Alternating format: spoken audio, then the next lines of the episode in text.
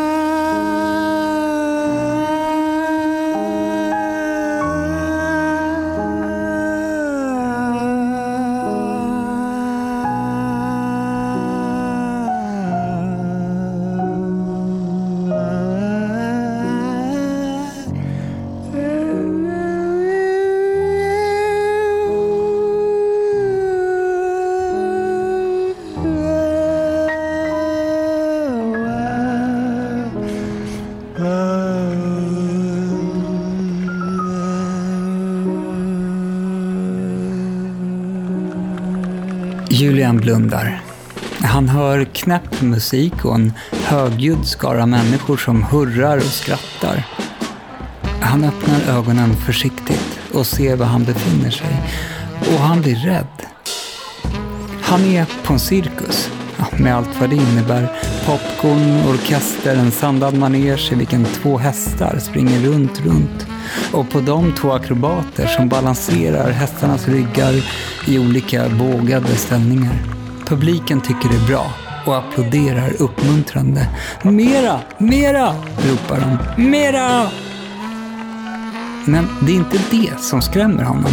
Nej, det är främst tre saker som orsakar hans rädsla. 1. Han har inte längre på sig sin pyjamas. Istället har han en färgglad, glittrig tight dräkt på sig och en otäck känsla som säger att han kommer ha någonting med showen att göra. Mera! Mera! Publiken får inte som de vill. De får inget mera. Istället hoppar akrobaterna av hästryggarna med varsin mycket skicklig volt och landar i en gest som tydligen visar att de är klara. Hästarna springer ut.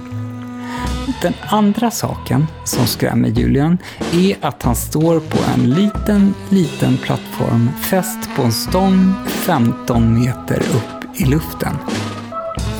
En cirkusdirektör kommer ut och tackar och bockar och knackar på sin mikrofon för att försäkra sig om att den är på och säger Och nu,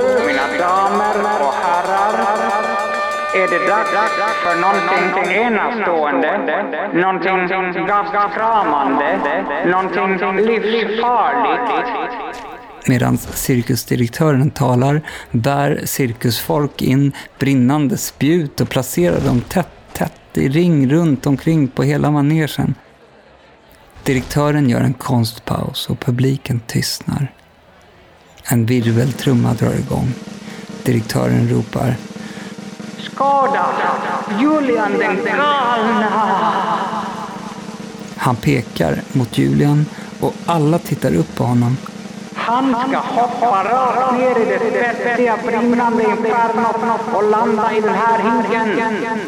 Direktören ställer en stor hink fylld med vatten under Julians plattform.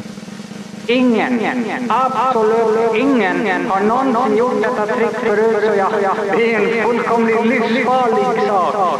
Får jag be om största möjliga tystnad. Den tredje saken som skrämmer Julian, ja men ni fattar.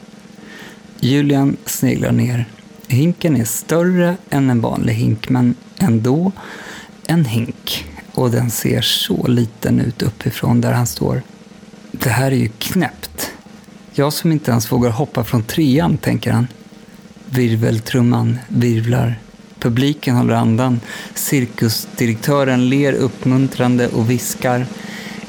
I hinken finns svaret på alla dina frågor. Hur kan ni höra honom? Han är 15 meter ner.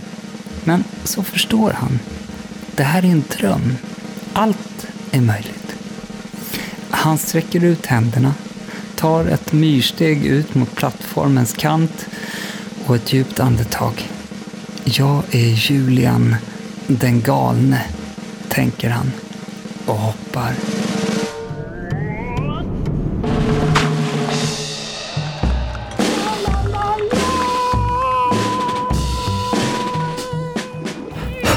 Jag dök, tänker Julian. Jäklar, jag dök rakt i. Han har aldrig dykt förut, men nu, nu har han gjort det. Rakt ner i en hink från 15 meter upp. Hinken verkar betydligt djupare än det sett ut. Julian fortsätter att dyka neråt, neråt och neråt av fallkraften. Länge känns det. Han börjar få slut på luft.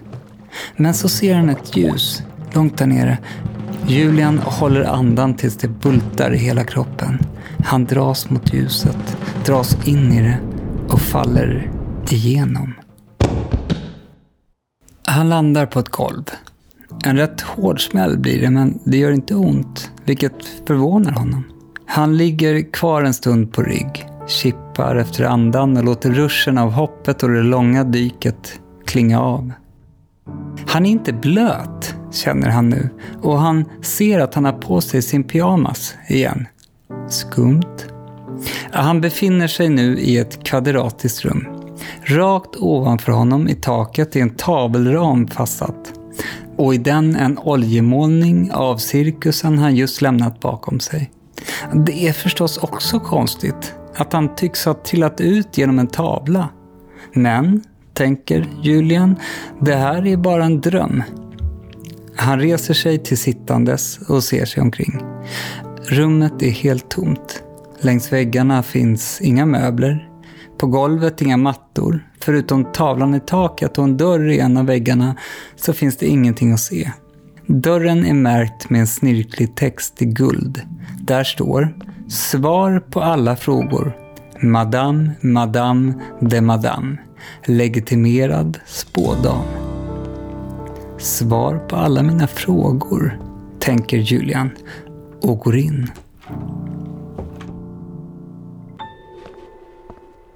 En tant, så gammal att det verkar orimligt, står vid en stor spåkula och rör händerna runt den i dramatiska gester.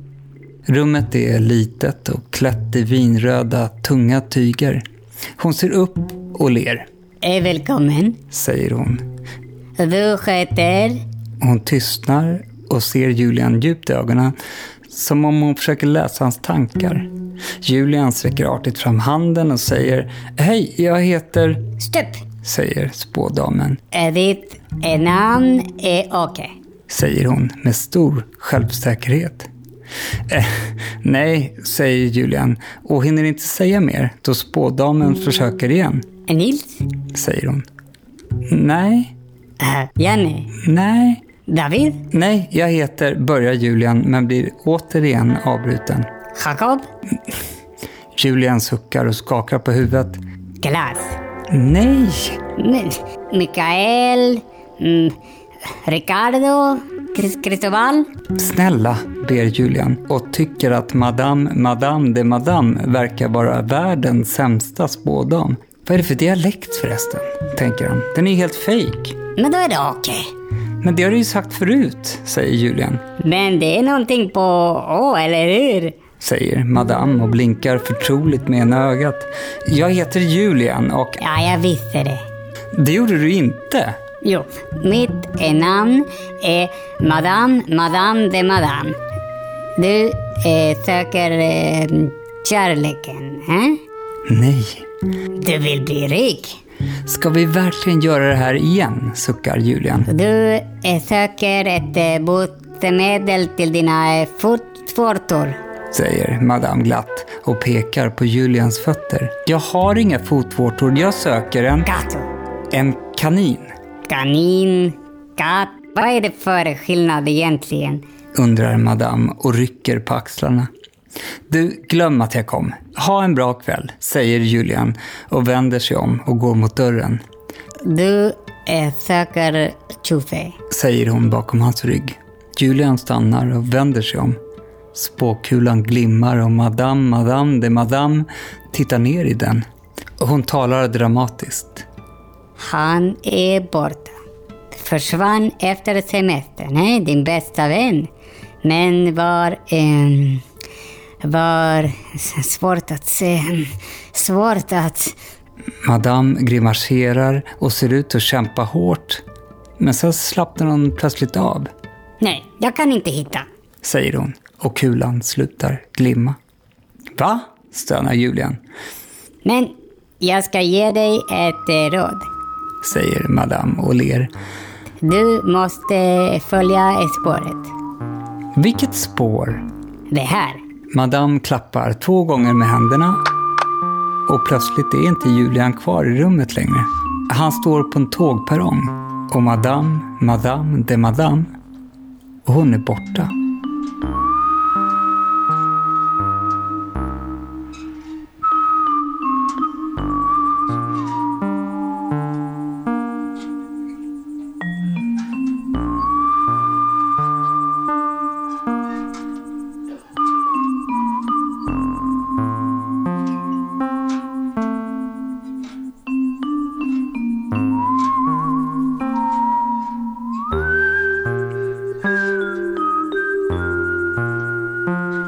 Nästan folktomt på perrongen. Bara en skäggig man sitter på en bänk och stirrar framför sig. Bakom Julian är ett nedsläckt stationshus som ser ut att ha varit stängt i åratal. Framför honom ett öde landskap och ett tågspår som tycks oändligt och försvinner mot horisonten i båda riktningar. Ett spår. Julian går fram till gubben. Vet du när tåget kommer? Frågar Julian och gubben ser upp på honom. Det kommer när man minst anar det, säger han och ler tvetydigt. Vad betyder det? undrar Julian. Ja, det är väldigt oklart, säger gubben. Jag till exempel har väntat i åtta år. Åtta år, flamtar Julian. Jag har bara några timmar på mig, sen vaknar jag. Det är kört, tänker han och ska precis till att ge upp när ett ljud hörs. Först svagt, mest som en vibration. Och sen blir det högre och högre och högre tills tåget dundrar in framför perrongen och stannar med ett öronbedövande gnissel. Det är ett vackert tåg som nu står framför dem. Ett gammaldags lok med rykande skorsten, vagnar i grönt och blått och gammelrosa med detaljer i guld och trä. Gubben reser sig. Ah, nu kom det, säger han oberört och går mot en av tågdörrarna som öppnas med ett pys. Julian följer efter. Han vet inte vad tåget går, om det går åt rätt håll, om det är rätt tåg. Men han vet att han inte kan vänta i åtta år på nästa chans, så han kliver på.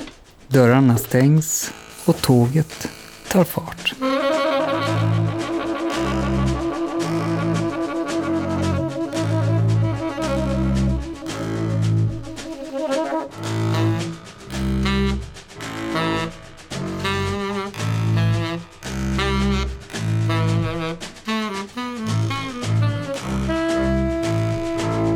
Julian hittar en ledig plats bredvid en kvinna.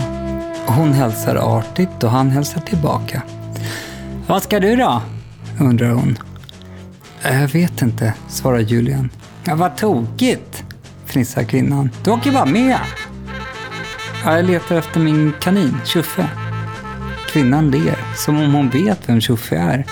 Känner du Tjuffe? frågar Julian. Alla känner Tjuffe här. Tjuffe är lite av en eh, kändis i drömlandet. Är han försvunnen? Ja, han har varit borta sedan igår. Nej, vad säger du? säger tanten och lägger förskräckt handen för munnen. Är du från polisen? Nej, nej, jag är ett barn. Jag, jag är hans barn. Ja, jo, ja, det ser jag ju nu. Har du kollat på jazzklubben? Där brukar han vara. Biljetten tack. En konduktör står framför dem. Julian skakar svagt på huvudet och ska precis till att svara ärligt att han inte har någon. Att han inte hunnit ta tag i det för att tåget kom ju så fort och verkade gå så sällan. Men konduktören sträcker sig fräckt fram och sticker in handen i Julians högra pyjamasficka. Jag har inte hela natten på mig. Säger han och drar fram en biljett ur fickan. Han klipper den och ger tillbaka. Välkommen ombord på Drömexpressen. Jag rekommenderar att ni spänner fast er för vi är alldeles strax vid looparna. Han blinkar med ena ögat åt Julian och går sedan vidare, ropandes Ni på stigna? Julian vänder sig mot kvinnan. Vad menade han med looparna? Ja, säger kvinnan. Ja, han menar vad han sa. Loopar. Så spänn fast er nu bara. Spänn fast er fort. Julian gör som hon säger. Han hittar ett bälte och får med lite krångel ner i bälteslåset. Bara någon sekund senare känner han suget i magen när tåget tar fart, som i en berg och dalbana och plötsligt så lyfter det och gör en loop. Alla väskor som står på golvet och i hatthyllorna flyger runt i vagnen. Passagerarna beter sig inte som de borde. De läser vidare i sina tidningar, fortsätter sina samtal, äter sina smörgåsar som om ingenting märkvärdigt händer. Kvinnan fnissar åtminstone förtjust när det upp och nervända tåget tar fart igen neråt. Det var den första, säger hon lugnt. Du kommer vänja dig. Det är 23 kvar.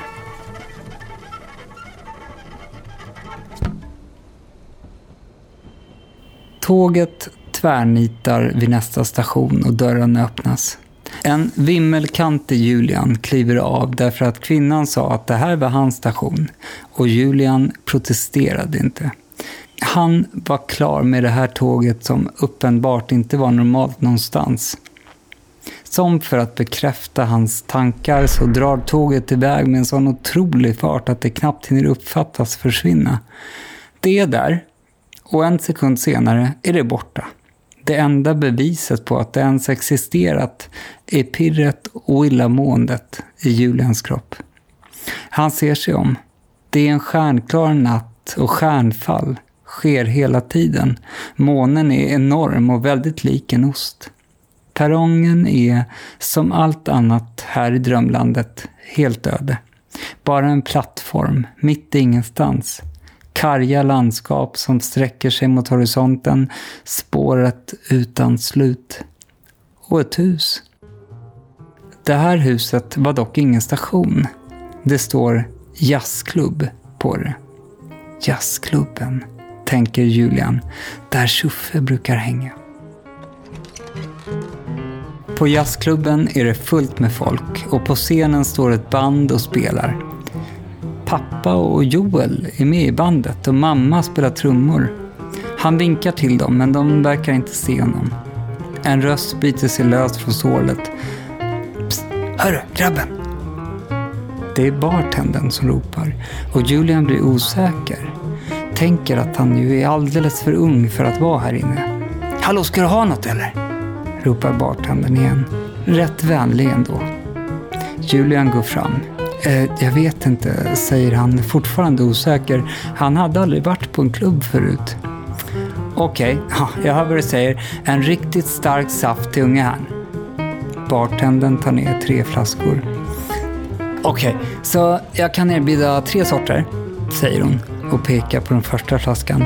Det här är en fin årgångssaft från 73 på färska hallon. Eller de var ju färska 73 då. En riktig karaktär i den, lämnar ingen oberörd. Sen har vi en speciell australiensisk pärla här, fortsätter bartendern och visar på den andra flaskan. Gjord på röda druvor som koalor först har ätit och sen bajsat ut och det ger en speciell, eh, hur ska jag säga, smak.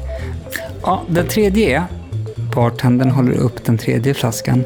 Ja, det är farmors egna jordgubbssaft. Eh, då tar jag farmors, säger Julian snabbt.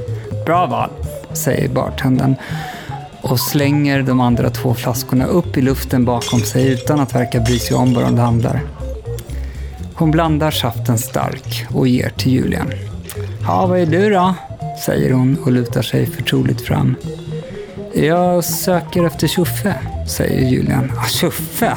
Jag har inte sett Tjuffe sedan han eh, försvann, säger bartendern. Inte jag heller, säger Julian. Det är sorgligt, säger bartendern och blir tårögd. Ja, får Julian förbluffat ur sig och undrar om bartendern ska börja gråta nu. Det var en fin kanin och en bra vän, säger bartendern och ser helt förstörd ut. Han finns kvar, tröstar Julian. Nå, någonstans igen, säger bartendern och skärper sig plötsligt. Lutar sig fram. Har du eh, några misstänkta då? Va? Nej. Alltså, tror du? Börjar Julian förvånad över vändningen. Han har ju aldrig tänkt att det begåtts något brott. Bartendern avbryter. Alltså, jag tror att det är någon av de där två, säger hon och pekar på papporna.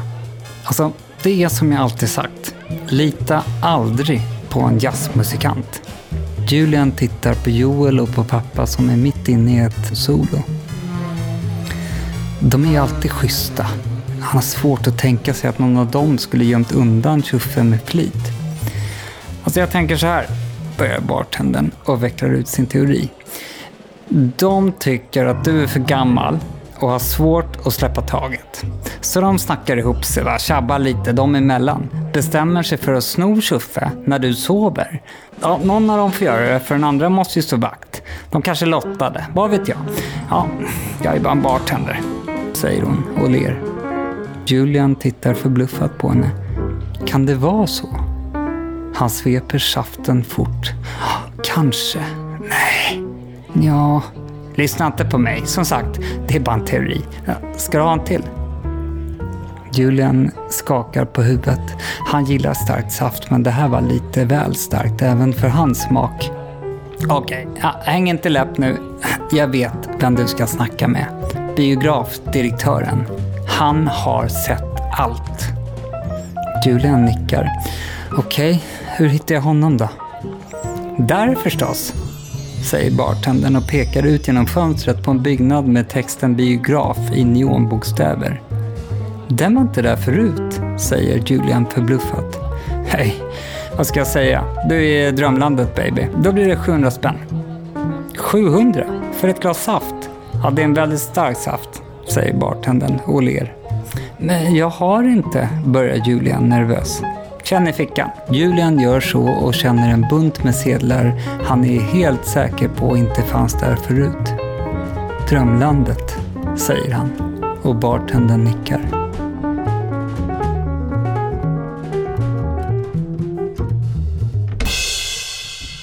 Julian stiger in i biografen. En pampig byggnad med en högrest trappa och inramade filmaffischer på väggarna. En man i snurrade mustascher, röd kostym i sammet och hög hatt står bakom en kassa. Välkommen, säger han. Vad vill du se idag då? Julian ser på de olika affischerna på väggen. Det är berättelser han känner igen. Inte som filmer från den verkliga världen, utan som minnen ur hans eget liv.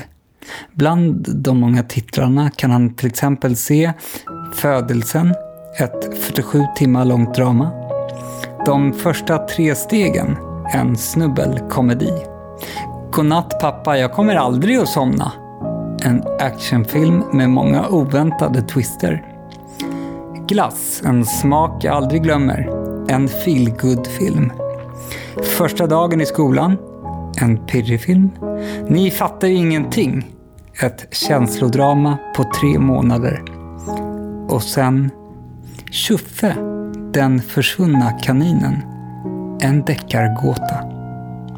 Jag vill se den om Tjuffe, säger Julian och pekar på filmaffischen som visar en bild på hans försvunna vän. Mycket bra val, säger biografdirektören och tvinnar sina mustascher. Biljetten tack.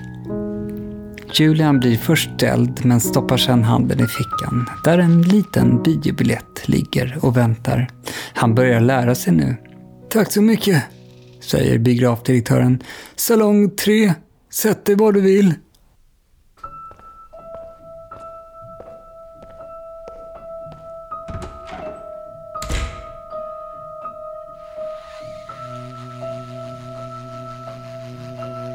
Julian är ensam i salongen och filmen drar igång så fort han satt sig. Det är en stor duk och det är konstigt att se det han ser. Filmen visar Joel som bär Julian över gräset utanför sommarstugan. Julian sover. Ja, de åkte ju sent hem och han måste ha somnat i hängmattan medan de städade huset. Vad tung han har blivit stönar Joel innan han försiktigt sätter Julian i baksätet och spänner fast honom. Okej, nu drar vi, säger Joel. Är allt med då? undrar pappa och Joel stannar upp. Vänta, var är Tjoffe? säger Joel. Han jag la honom bland lakanen, säger pappa. Bäst att kolla, säger Joel och går till bakluckan. Han rotar runt lite bland packningen och ropar sen. Ja, men han är här. Joel kommer tillbaka till baksätet och sätter Tjoffe i knät på Julian, som i filmen sover alltjämt. Joel ger Julian en puss i pannan och sätter sig sen i framsätet. Okej, nu kan vi åka, säger Joel och ger även pappa en puss. Tack för en fin sommar. De startar bilen och åker kanske i en minut med Tjoffe guppandes i knät på Julian. Men sen händer något. Bilen tvärnitar. Papporna pustar ut men verkar samtidigt hänförda. I en bild utanför bilen ser Julian att två ståtliga rådjur stannat mitt på vägen. Han minns att de berättat om det. Att rådjuren varit så nära och att det kunde gått illa. Att de kom ut ur mörkret från ingenstans. Inne i bilen säger pappa att Shit, vad fina de är. Och Joel håller med. Sover Julian fortfarande? Frågar de och ser bak.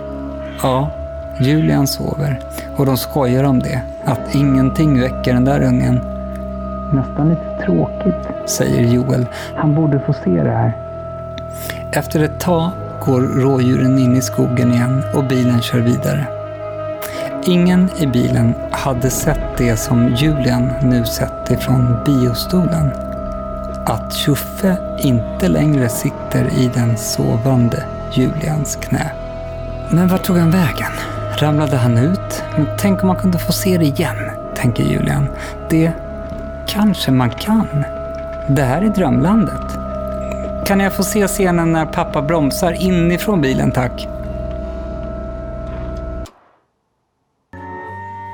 Filmen stannar omedelbart och backar tillbaka. Scenen spelas upp igen fast i en annan vinkel ifrån baksätet. Julian ser Tjuffe kastas ifrån hans knä i inbromsningen och studsa mot sätet framför och sen i marken. Och slutligen rulla in långt under Joels säte. Hittad.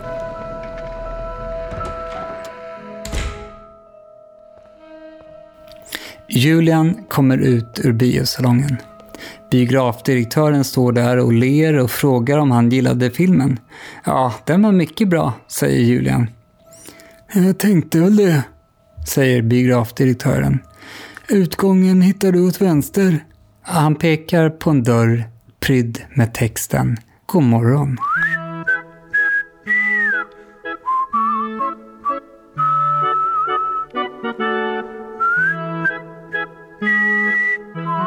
Julian kommer ut i köket. Det är morgon och pappa och Joel sitter vid frukostbordet och ser oroligt på honom. De inväntar katastrofen, verkar det som. Förväntar sig ilska och kanske gråt. Problem. Men ingenting händer. De äter i tystnad och Julian pratar och ler som vanligt och ser att de viskar med varandra och att Joel säger Vi kanske inte ska prata om det. Han kanske har glömt det. Dumheter. De går tillsammans till skolan. Julian undrar om de har tid att ta en omväg och gå förbi bilen. Ja, men det har de. Men varför? Jag ska bara hämta Tjuffe, säger Julian och tar täten mot bilen. Väl framme öppnar han passagerardörren och lutar sig in. Han sticker in handen under sätet och letar lite. Så drar han fram en liten kanin med speciellt utseende och bara ett öra. Tada, säger han och stoppar Tjuffe innanför jackan under armen. Han tittar på de två förvånade papporna och frågar Vad har ni drömt för drömmar i natt? Natt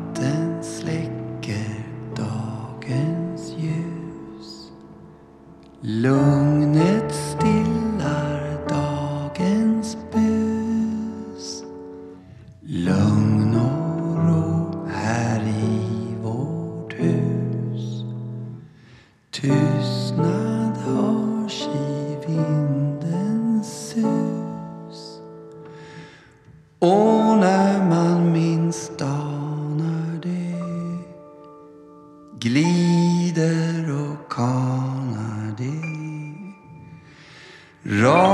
rakt ut ur rummen och rätt ner.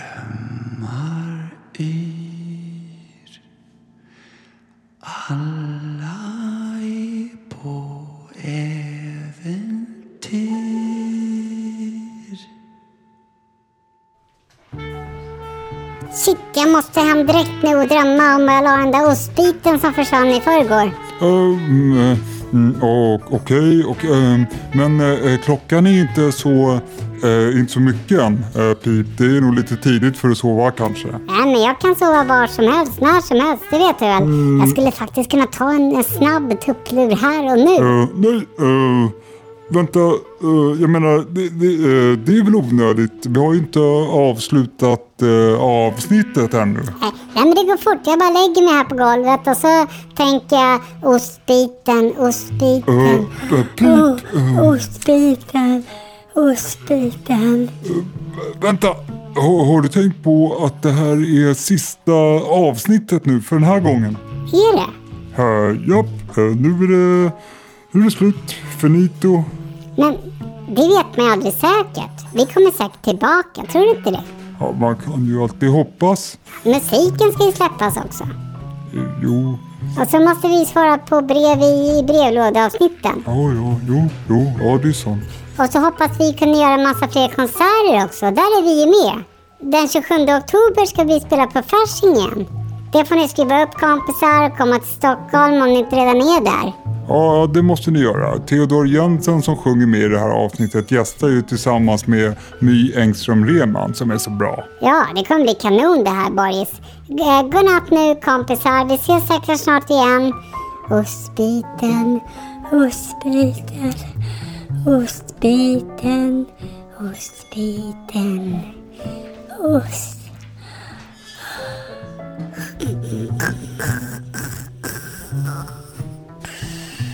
Ja, mm, okej. ehm, skicka brev till oss på www.instad.se och håll ögonen öppna så ni inte missar något, något skoj. Uh, nu måste jag nog uh, kila iväg. Uh, jag fick lite brådis. så uh, hejsan hejsan, ha det bra. Hej då. Hej.